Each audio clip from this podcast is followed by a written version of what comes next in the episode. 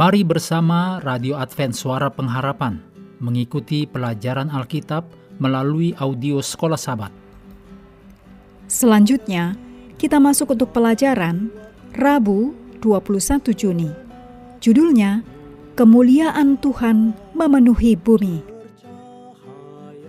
Mari kita mulai dengan doa singkat yang didasarkan dari Wahyu 15 ayat 3. Besar dan ajaib segala pekerjaanmu ya Tuhan Allah yang Maha Kuasa. Adil dan benar segala jalanmu ya Raja segala bangsa. Amin.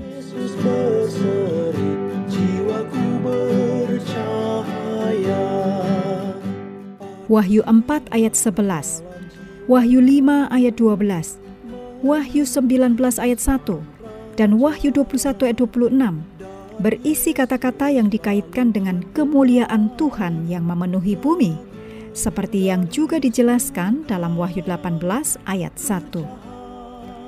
Pertentangan besar antara kebaikan dan kejahatan di alam semesta adalah juga tentang kemuliaan atau reputasi Allah.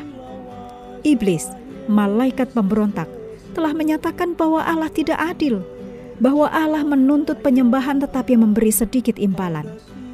Si jahat menyatakan bahwa hukum Allah membatasi kebebasan kita dan membatasi sukacita kita.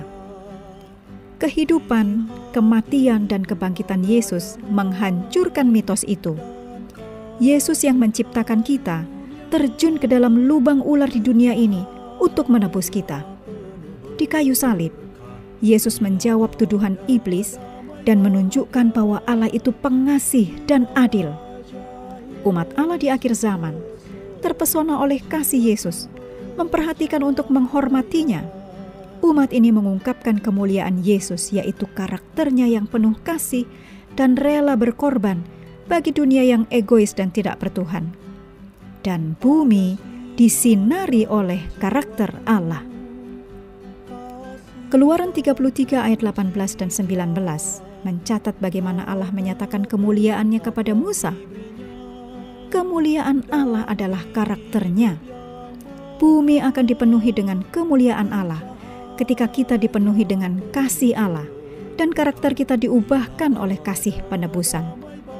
Mengungkapkan kasih Allah dalam kehidupan pribadi kita akan mengungkapkan kemuliaan Allah dan karakter Allah kepada dunia pekabaran terakhir yang harus diberitakan kepada dunia yang diliputi dengan kegelapan rohani disampaikan oleh ketiga malaikat di tengah-tengah langit, yaitu takutlah akan Allah dan muliakanlah Dia. Dicatat dalam Wahyu 14 ayat yang ketujuh. Tidak ada kemuliaan bagi diri kita sendiri dalam perbuatan baik kita atau kebenaran kita atau kebajikan kita Kutipan Ellen White dalam Testimonies for the Church jilid 6 halaman 19 menuliskan, Pekabaran kebenaran Kristus terdengar dari ujung bumi yang satu ke ujung yang lain. Inilah kemuliaan Allah yang menutup pekerjaan malaikat ketiga. Ellen G. White juga menuliskan dalam Testimonies to Ministers and Gospel Workers halaman 456.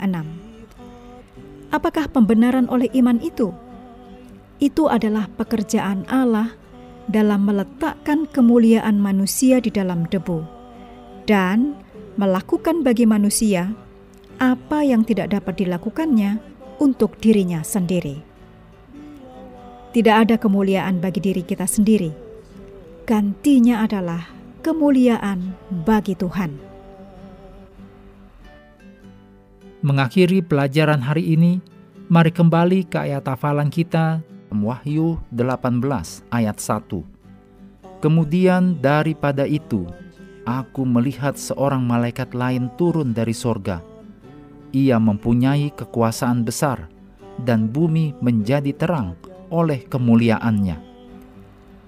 Kami terus mendorong Anda mengambil waktu bersekutu dengan Tuhan setiap hari, bersama seluruh keluarga, melalui renungan harian, pelajaran Alkitab Sekolah Sabat, juga bacaan Alkitab sedunia, percayalah kepada nabi-nabinya yang untuk hari ini melanjutkan dari Mazmur 46. Tuhan memberkati kita semua.